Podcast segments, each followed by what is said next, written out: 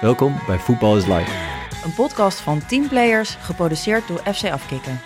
Mijn naam is Siem de Jong. Ik ben Diana Kuip. En ik ben Deli Blind.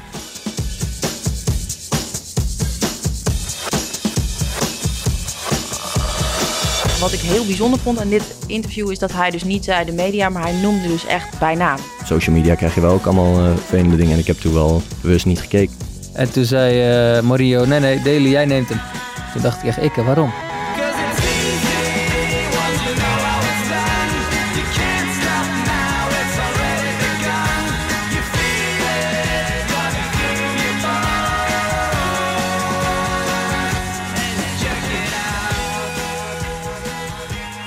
Ja man, de tweede aflevering. Uh, ik begin al een beetje te wennen aan deze setting eigenlijk. Dat je zo online erbij bent, Daily. Ja, ik mis wel die uh, castingels. Ja. Die vergeet ik toch steeds zelf te halen. Ja, dat snap ik. Ja, ze staan hier heel eenzaam uh, te loeren naar je. Maar ja, dan moeten we misschien nog iets ja. een keertje laten regelen dat we die naar München kunnen sturen. Ja, je hebt wel je, dat klittenbandje weggedaan toch nu? En niet meer dat we dat op de achtergrond horen? Oh, je hebt hem bij je. Okay. Dat is het. Mooi. Waar is het van? Uh, nou, in het hotel hier, dan, ik laat altijd mijn kabels overal uh, slingeren en zo. En elke keer als ik op mijn kamer kom, als we hebben opgeruimd, dan zitten van die klittenbandjes om die kabels heen, om ze bij elkaar te houden. Gewoon, dat is een ja, uh, geste van het Ik heb nog nooit ergens gezien. Ja. Oh, relaxed. Handig, maar maakt wel irritant van. Ja. ja, ik leg hem weg. Ja, de vorige keer. Um, even voor de luisteraars die denken, waar hebben we het over? De vorige keer waren we aan het terugluisteren. Toen hoorden we heel tussendoor. Maar dat was dus uiteindelijk jij met het glitterbandje. Dus uh, vandaar. Vorige week zondag hebben we natuurlijk de eerste opgenomen. We zouden ook uh, vorige week live gaan, maar uh, in overleg met elkaar. en het interview wat Daily had gegeven en alles wat er gebeurd is, hebben we besloten om nu aflevering 2 op te nemen. En uh, deze week uh, alles live te gooien. En, uh, nou, dus we gaan, we gaan nu echt beginnen. En deze week gaan we pas echt live. Ja. Deli, jouw interview waar Siem het over heeft, dat was van de week. Wil je daar nog iets over zeggen? Ja. Ehm, nee, ik denk dat er eigenlijk genoeg over gezegd is. Ik heb gereageerd. En ja, daarbij wil ik het laten. En ja, ik denk dat, dat ik vrij duidelijk ben geweest. En uh, ja, wat moet ik er nog meer over kwijt? Weet ik niet. Weet ik niet. Ik had Verder wil ik eigenlijk op dit moment niet zoveel over kwijt. Uh, er is genoeg over gezegd en voor nu wil ik het laten rusten en me gewoon focussen op, uh, op Bayern München. Snap ik. Je wilde gewoon één keer vertellen wat, uh, wat jouw kant van het verhaal was. En ja, volgens ja. mij, volgens mij ehm, ja, vandaag bij de klassieker Berghuis interview daarna, die was ook wel ja, over interviews duidelijk, gesproken. Ja, dat was ook een lekker open interview. Heb je dat gezien toevallig, Deli? Ik heb het gezien, het, ja. Ja? Ja, ik vond het... Uh, ja, ik heb het gezien. Ik vond het heftig. En ook wel een beetje uh, emotioneel, omdat hij uh, emotioneel was. Maar voor de mensen die het niet hebben gezien, um, na de klassieker vertelde hij eigenlijk de impact die de media heeft gehad op um, ja, eigenlijk de, de well-being van zijn gezin. Um, door het eigenlijk zo te laden als een, uh, ja, een klassieker die een soort van op leven en dood is. Ja, en er werd gewoon heel veel verteld over hem. En uh, nou, natuurlijk gaat het wel over hem, maar hij zei ook, er zijn gewoon veel domme dingen geroepen. En uh, ja, daar heeft hij last van. En, ja, en ik snap het ook wel. In, in, in die periode toen ik naar, um, naar PSV ging, ja, werd me ook niet helemaal in dank afgenomen. En nee. ik ging erheen om, om een keer met Luc te spelen. En ja, mooi mooi om samen een keer dat mee te mogen maken. En uh, ik wist natuurlijk ook wel dat dat gevoelig zou liggen. En ik heb toen eigenlijk ook mijn social media allemaal een beetje uitgezet. Dus, um, ja, want voordat je zo'n beslissing maakt, want je weet inderdaad dat het gevoelig gaat liggen, is dat ook een reden om het misschien niet te doen? Nou, um, ja, tuurlijk, je denkt er wel over na en je neemt het mee. En je weet ook wel dat dat, dat soort dingen gaan gebeuren. Maar voor mij was het samenspelen met Luc. Um, en ik, ik uh, speelde op dat moment niet... Uh, altijd bij Newcastle en ik, ik wilde verhuurd worden. En ik heb toen ook gezegd, ja, ik heb ook eh, met Ajax gesproken en die hadden toen genoeg spelers. Dus um, ja, toen was het voor mij een, uh, een belangrijke stap in mijn carrière, maar vooral ook om uh, samen met Luc te spelen. Ja, ja heb jij ook zoveel vijandigheid gehad dan? Nou, ik denk niet zoveel als, uh, als nu. Um, maar ja, op social media krijg je wel ook allemaal vervelende dingen. En ik heb toen wel bewust niet gekeken, maar ja, er zijn er ook wel mensen om je heen en ook wel vrienden. En je krijgt natuurlijk wel dingen doorgestuurd. Ja, dus precies wat Berghuis zei. Die zei ook van ja, ik heb mijn social media uitgezet uh, of ik heb het helemaal niet. Um, maar zijn vrienden sturen het door en zijn oma ook, zei hij. Waarop uh, in de studio nog werd gezegd van ja, lekkere vrienden dan. Maar inderdaad, waarom zou die... Stuurden jouw vrienden dat ook naar jou? Nou ja, kijk, sommige dingen worden ook wel een beetje als grappig gezien. Maar ja, jij bent zelf het, uh, het onderwerp. En uh, er zijn ook wel uh, ja, vrienden die dan zeggen van... oh, had je dit al gezien, had je dit gezien? Maar ja, jij, jij kijkt dan niet bewust. En ik heb ook niet misschien bewust verteld tegen iedereen van... nou, ik zit... ja, ik blokkeer social media een beetje... omdat ik niet zo zin heb om al die dingen te zien. Mhm. Maar dus je krijgt toch wel dingen mee. En ja, ook wel via via. Maar ik denk niet dat je vrienden, zeg maar... en de mensen om je heen die bewust daarmee bezig zijn. Ze zijn misschien ook wel zo van, oh, uh, heb je dit gezien? Wat vervelend. En dan denk Ja. jij van, ja, ik had het liever niet gezien. Nee, het is een beetje averechts. Maar Ja. ik denk dat het wel goed is wat hij gezegd heeft, hoor. Ja, Ja. zeker. Ik denk Ja. dat het wel goed is. Ik denk Ja. dat eh, heel veel media willen natuurlijk eh, elkaar overtreffen. En de enige, de ene, het ene medium wil nog eh, ja, steeds eh, harder uit de hoek komen dan de ander. Om zoveel mogelijk kliks of likes of ja, kranten te verkopen, zeg maar. En ze vergeten daarbij soms de, de impact die het op iemand eh, eh, heeft om, om de persoon om wie je draait. Ja. Ja, Ja. Ik, eh, ik heb er dus inderdaad als media naar gekeken. Ik ben natuurlijk sportjournalist. Wat ik heel bijzonder vond aan dit interview is dat hij dus niet zei de media, maar hij noemde dus echt bij naam. Dus hij noemde, zei ten eerste domme mensen zoals Gijp. Dat is al best wel eh, een heftige uitspraak. Hij noemde ook het AD. Dat zij dus, eh, en daar zei hij wel vergoeilijkend bij, daar werken ook goede mensen. Maar er zitten ook mensen die kinderen hebben. Ik snap niet waarom je dan op de cover een foto van mij in een Ajax tenue, schreeuwend, weet je wel, dan ben je het natuurlijk alleen maar aan het laden. Maar ik vond het dus, ehm, en hij noemde ook nog Jinek, eh, RTL, dat zij hadden in een bepaalde tekst gezegd, dit wordt een klassieker op leven en dood. Ehm, en dat gaf mij wel het idee dat hier, hij hier goed over na had gedacht. Want er werd namelijk helemaal niks aan hem gevraagd. Het kwam gewoon eruit. Dus hij wilde dit ook zeggen. En dat vind ik super sterk. Dat je dus echt gewoon denkt: oké, nu zijn jullie te ver gegaan.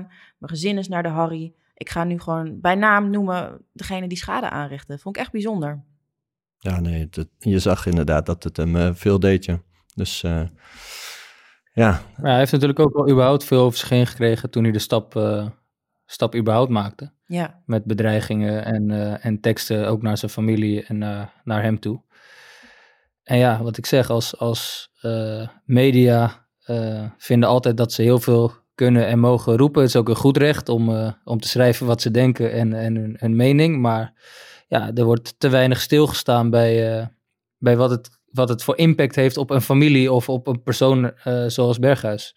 Ik heb het dan hetzelfde een beetje meegemaakt met mijn hartsituatie ja. Elk medium wilde maar zo snel mogelijk het nieuws naar buiten brengen. En op een gegeven moment was het nieuws dat ik nooit meer kon voetballen en dat ik een bepaalde hartproblemen heb. En er werd een chirurg ingeschakeld, of een hartchirurg specialist, die, die wist wat, wat, terwijl hij mijn hele dossier niet kent. En hij weet niet eh, ja, wat voor impact dat heeft op mij of mijn voetbalcarrière. De, de uitspraken die zo iemand dan doet. Nee. Dus ik denk dat eh, op bij bepaalde gevallen dat de media ook wel eh, een keer in de spiegel mag kijken om, eh, om te kijken hoe ze bepaalde dingen neerzetten. Mhm. Maar het is heel goed, want de media, ja, het is ook heel makkelijk dan om voor de media te zeggen, ja, hij bedoelt vast niet ons. En doordat hij natuurlijk nu echt namen en rugnummers noemt, is het wel echt, ehm, ja, dat is wel uniek. Tenminste, ik kan me niet zo goed een geval herinneren. Heb jij het wel eens gedaan, Daily, dat je dus echt op de man af zei van, ja, wat jullie nu hebben geschreven, of wat de Telegraaf schreef, of het AD? Ehm, nou ja, ik heb toen volgens mij een interview met Jan-Joos van Gangelen eh, gehad. Ja. Toen ik mijn rentree maakte na mijn hartsituatie. En toen heb ik wel ja, gericht, het was gericht naar hun, eh, omdat hun toen een hartspecialist in de studio hadden. Die, die zich uitliet liet over mijn situatie, terwijl hij mijn dossier niet kende. Ah, dus daar heb ik, heb ik hem toen ehm, op gewezen. En dat, dat begrepen ze ook.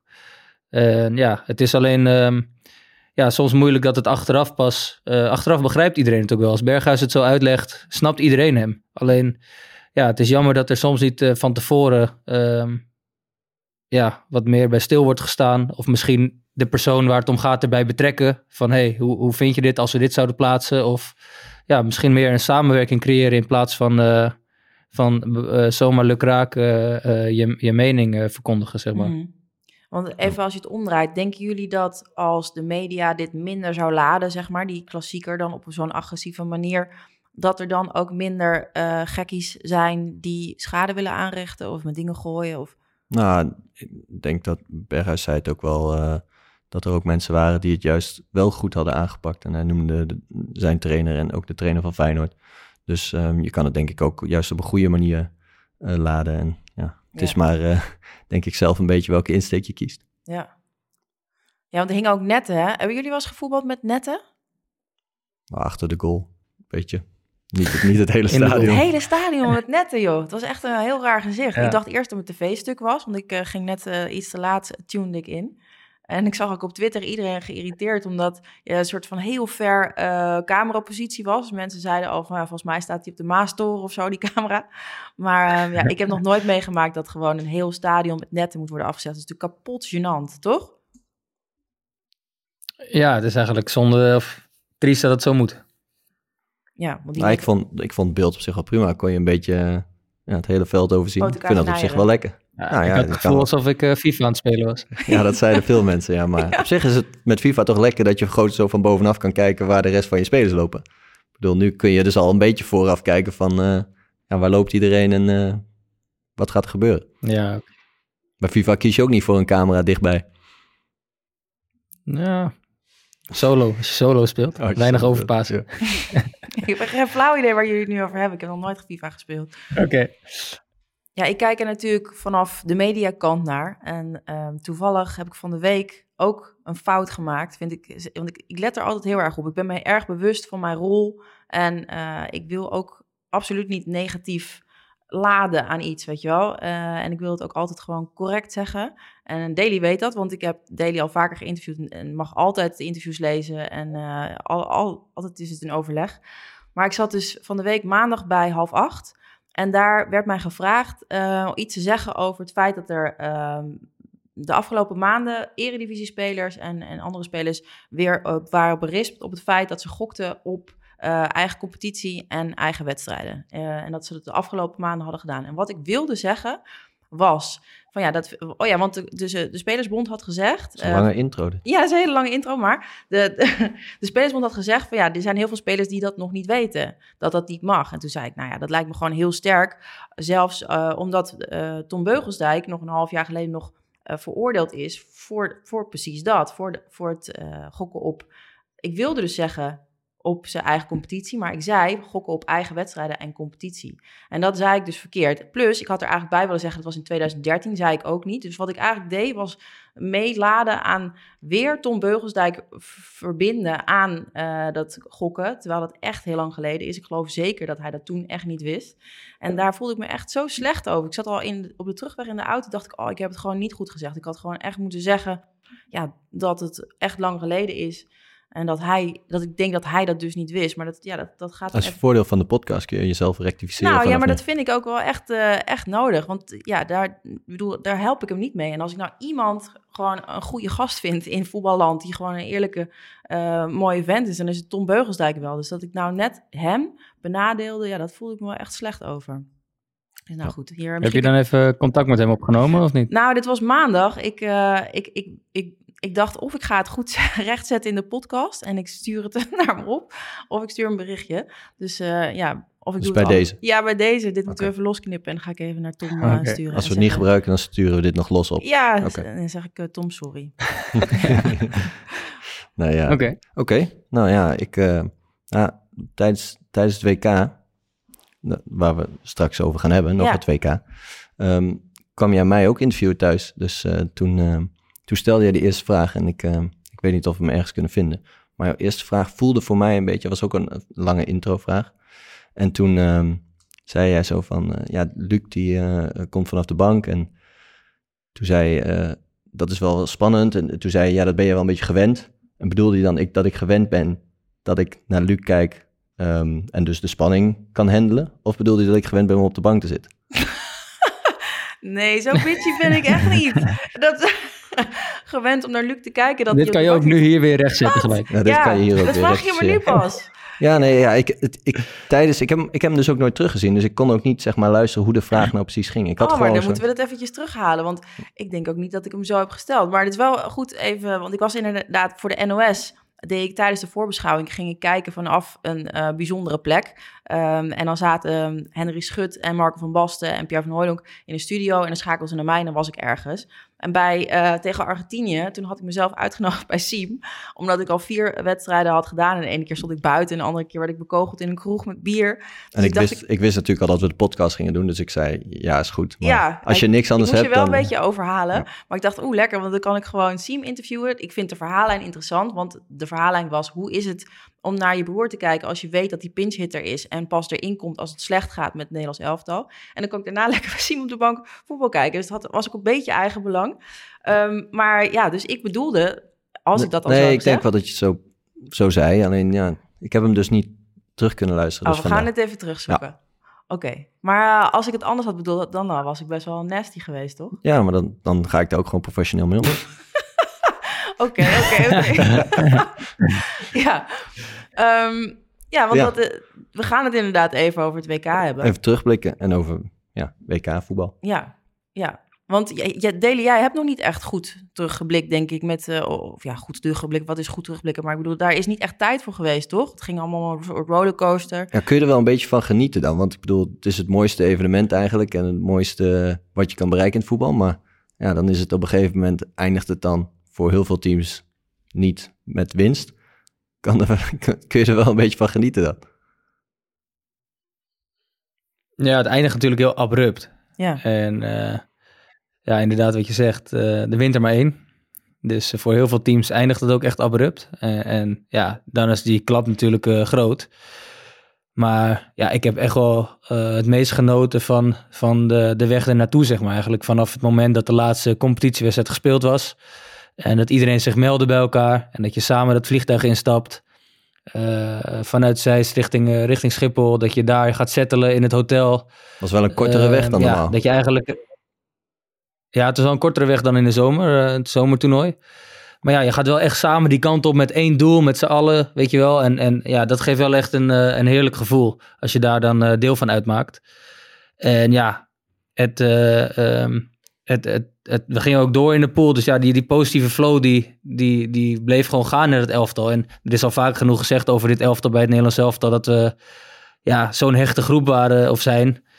Ehm, dus ja, het was ook gewoon eh, een groot plezier om, om daar te zijn. Ook al waren, de, de, waren geen trainingen of hadden een dag vrij na een wedstrijd.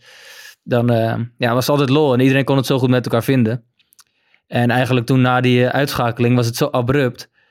We kwamen door de, door de penalties of door de verlenging kwamen we pas om drie uur aan in het hotel of zoiets.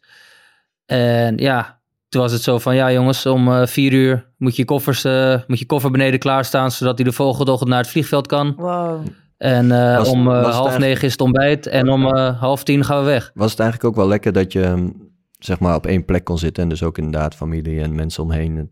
Ja, ik bedoel, met andere toernooien heb je toch wel vaak dat je van plek naar plek gaat ook op een gegeven moment.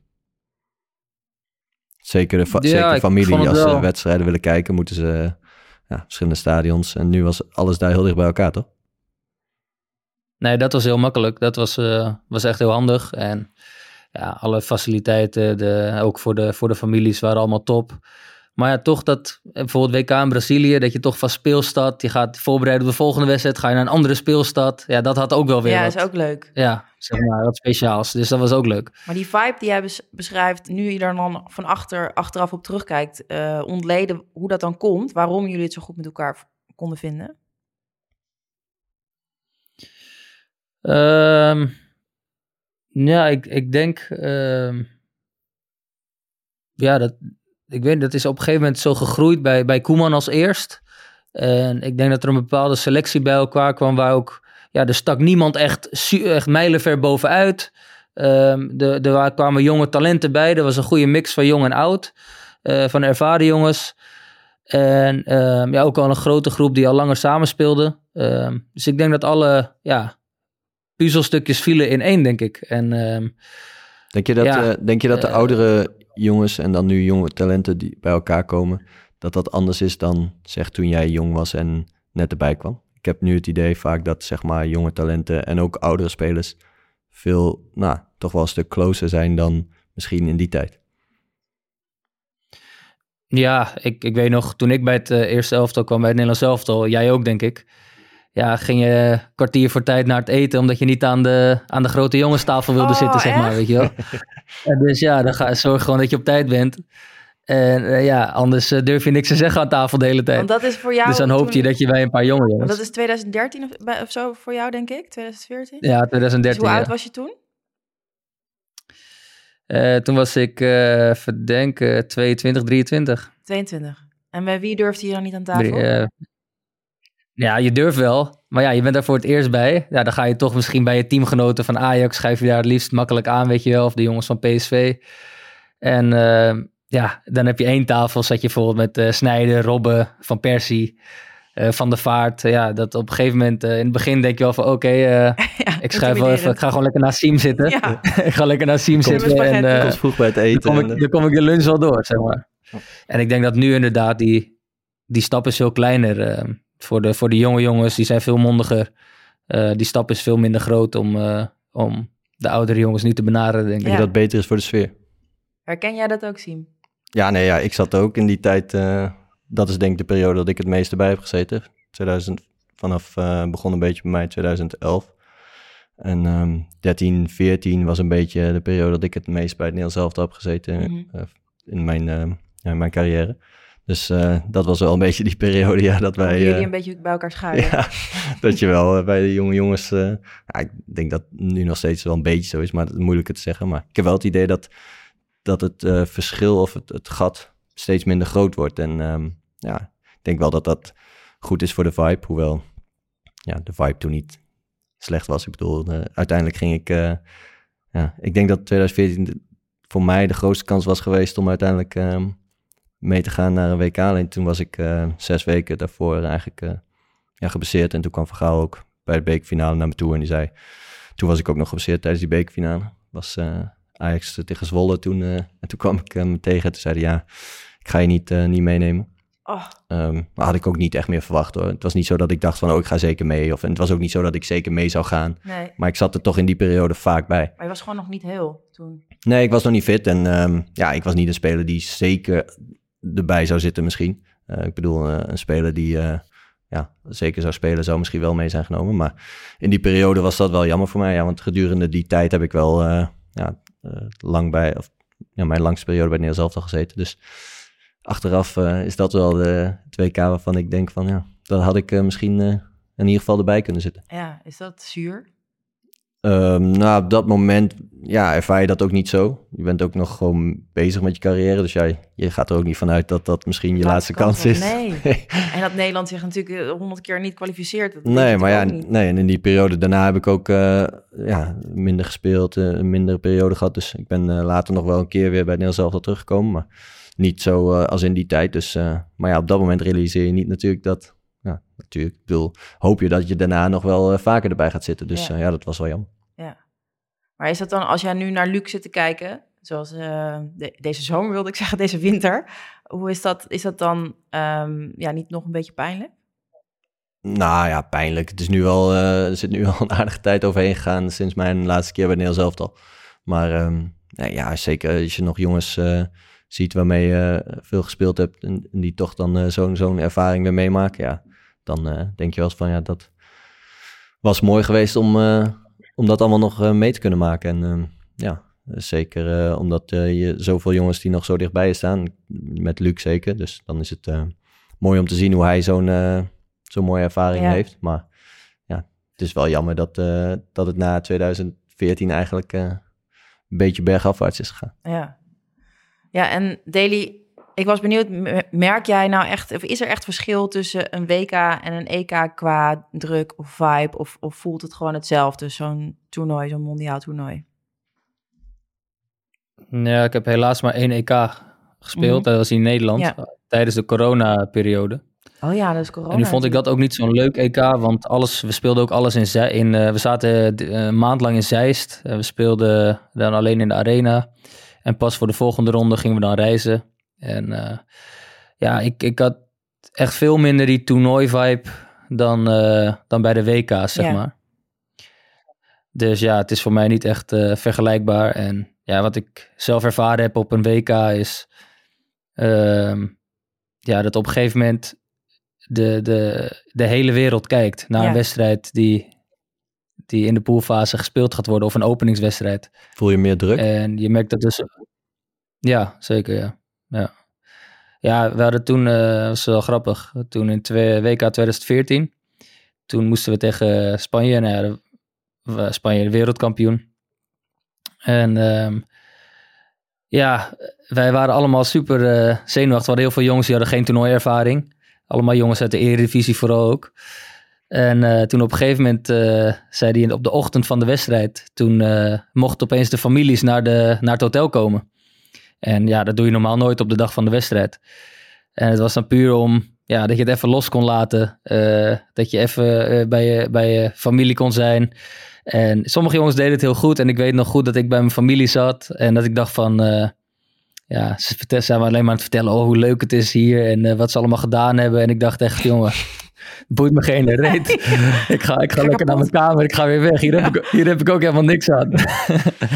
en toen ben ik weer eh, naar mijn kamer gegaan. En uiteindelijk ehm, ja, begint zo'n wedstrijd. En dan na, ja, je weet zelf hoe het gaat. Na een aantal minuten valt het gewoon van je af. En dan, eh, dan begin je. Maar ja, maar na een aantal eh, je minuten voelt pas. wel de, dus je hebt echt nog die eerste paar ja, minuten. ik, ik, je- ja ik, voel, ik voelde wel meer spanning dan een, eh, een normale wedstrijd. Ja. Ja, ik, ja, ik heb dan nooit WK, maar ik denk een van de spannendste wedstrijden was toen Ajax Twente. Voor mij dat we die kampioenswedstrijd dat we begonnen. Ja, ja. En toen had ik ook inderdaad die eerste minuten dan, ja, je, je bent inderdaad heel erg eh, met zo'n wedstrijd bezig. En dan die eerste paar minuten ga je ook nog een beetje, ik merkte dat ik bijvoorbeeld, eh, ik stond in de spits en de, zij hadden aftrap en schoten die bal lang. En ik rende nog bijna terug naar de eigen 16 om mee te verdedigen. Omdat je, ja, je, je denkt van, oké, ik moet daar helpen. Alles en toen, geven. ja, alles geven. En toen dacht ik wel gelijk, na die minuut zeg maar, dacht ik, oh nee, ja, ik moet gewoon, ik moet wel gefocust blijven voor je staan. Dat is een kip Ja, zonder kop. Dat je gewoon, ja, je, ja, er zit toch echt wel, ja, je voelt dat echt wel door Ja. je lichaam heen gaan. Ja. Hey, en in hoeverre is een bondscoach eh, belangrijk voor die vibe die je net beschrijft? Ehm, ja, ik denk wel belangrijk. Tuurlijk, die is eh, eigenlijk ook een onderdeel van de groep natuurlijk. En eh, die is ook een deel van de, van de sfeer die je samen hebt als, als team. Het is niet alleen de spelersgroep, het is ook de staf die erbij hoort. Ja. En ook, ja, je bent met het hele, hele team, zeg maar, qua spelers en staf, ben je anderhalve maand bijna onderweg. Mhm. Dus ehm, ja, dat, eh, dat speelt wel een rol, denk ik. Ik vroeg me af, hebben jullie die eh, documentaire gezien van Louis van Gaal voordat het WK begon? Ik heb daar delen van gezien, ik heb niet alles gezien. Nee? Ik kan me voorstellen dat, dat je dat dan met z'n allen ging kijken misschien. Of in ieder geval ehm, ja, dat iedereen dat, eh, daar met elkaar over praat. Maar dat was niet zo? We hebben hem niet met de selectie bekeken in ieder geval, nee. Nee, nou niet op, op aanraden van Louis. Kijk even naar mijn film.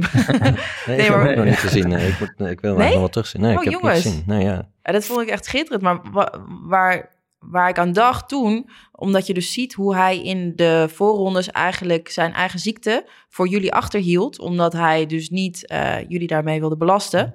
En dus eigenlijk heel veel pijn had. En, eh, en dus ook van die fiets eh donderde, wat toen zo'n soort van grappig was, weet je wel. Maar dat was dus omdat hij gewoon nog geen evenwicht had vanwege die chemo's.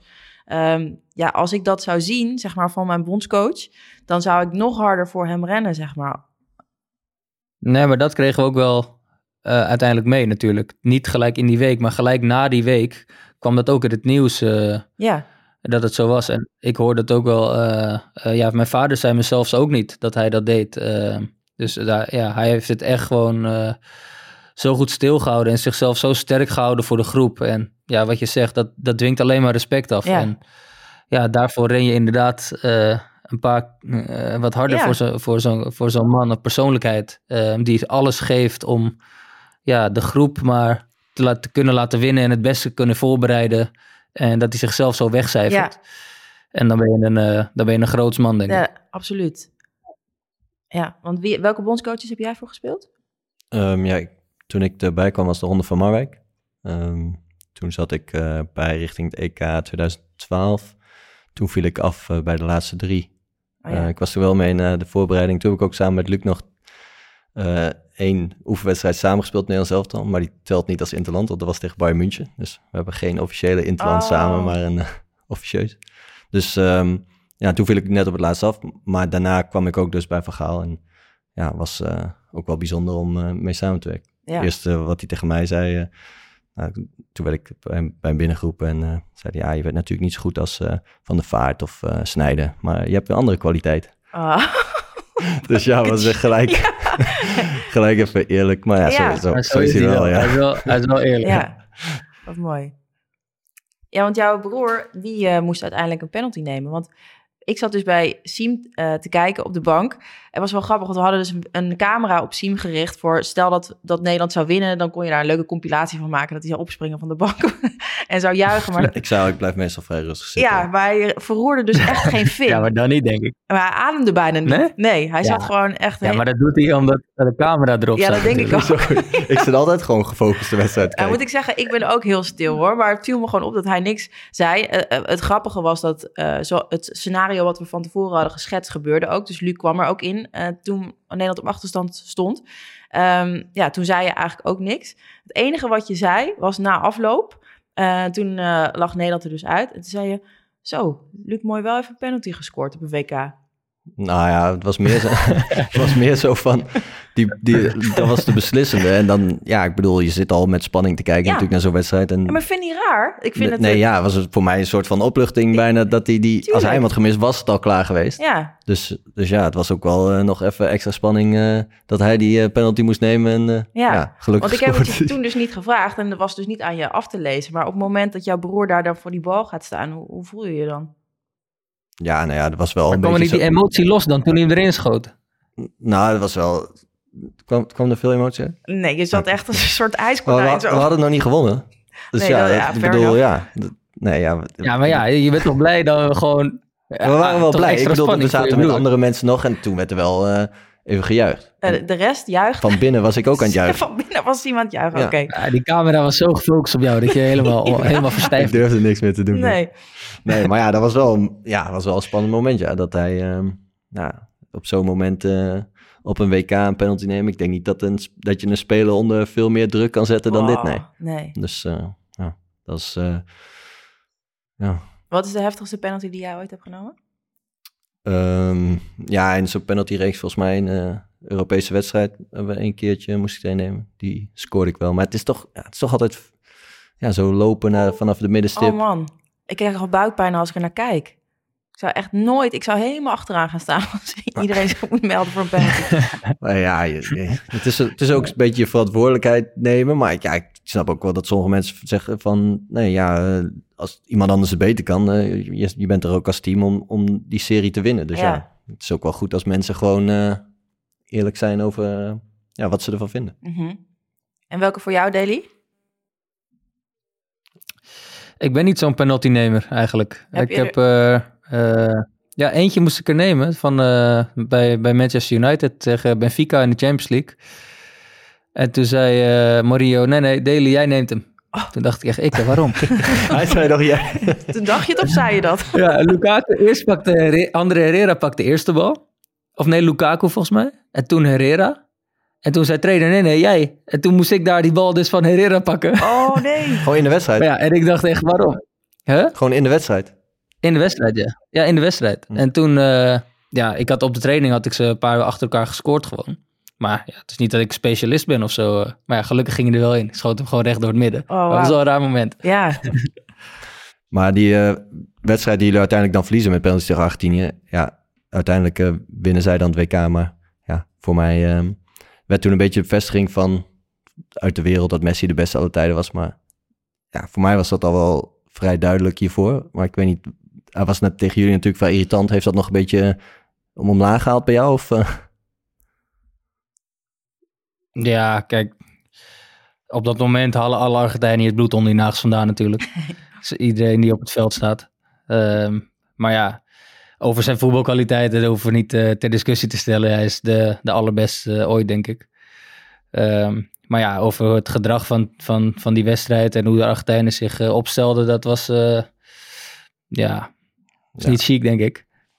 En dat had wel anders gekund, denk ik, op, dat, op bepaalde momenten. Maar ja, het is ook wat je zei, een WK, kwartfinale. Ja, jullie, zoveel jullie, frustraties jullie, wilden toch ook, op. jullie wilden toch ook alles aan doen om uiteindelijk te winnen? Ik bedoel, zo gaat het ook. Ja, ineens. tuurlijk, dat zeg ik ook. Het is van beide kanten en je doet er alles aan. En het is maar, ja, het is één wedstrijd maar om eh, ja, eh, zo'n prijs, eh, om door te gaan in zo'n toernooi. En ja, hoe je het zelf ook net zegt, misschien speel je er nooit weer nog één.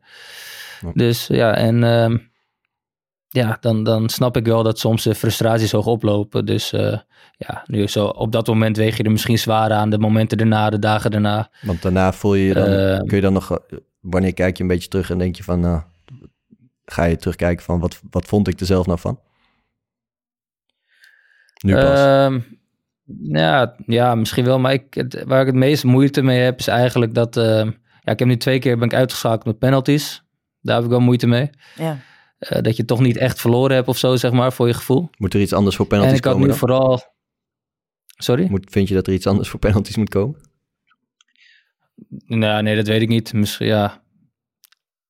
Dat een andere discussie. Ja, andere discussie. Maar op, op dit moment eh, worden er penalties genomen. Ja.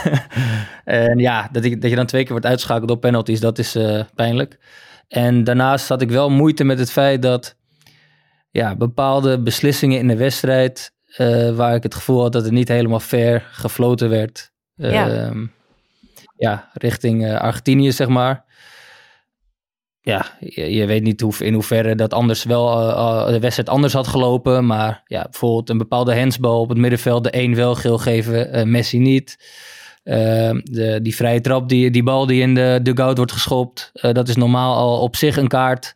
Hm. Die overtreding daarvoor wil hij al een kaart geven. Dus ja, daar zit je dan meer de, de dagen daarna Dan over het hele over, over gefrustreerd ben je er dan eigenlijk over dat het zo loopt.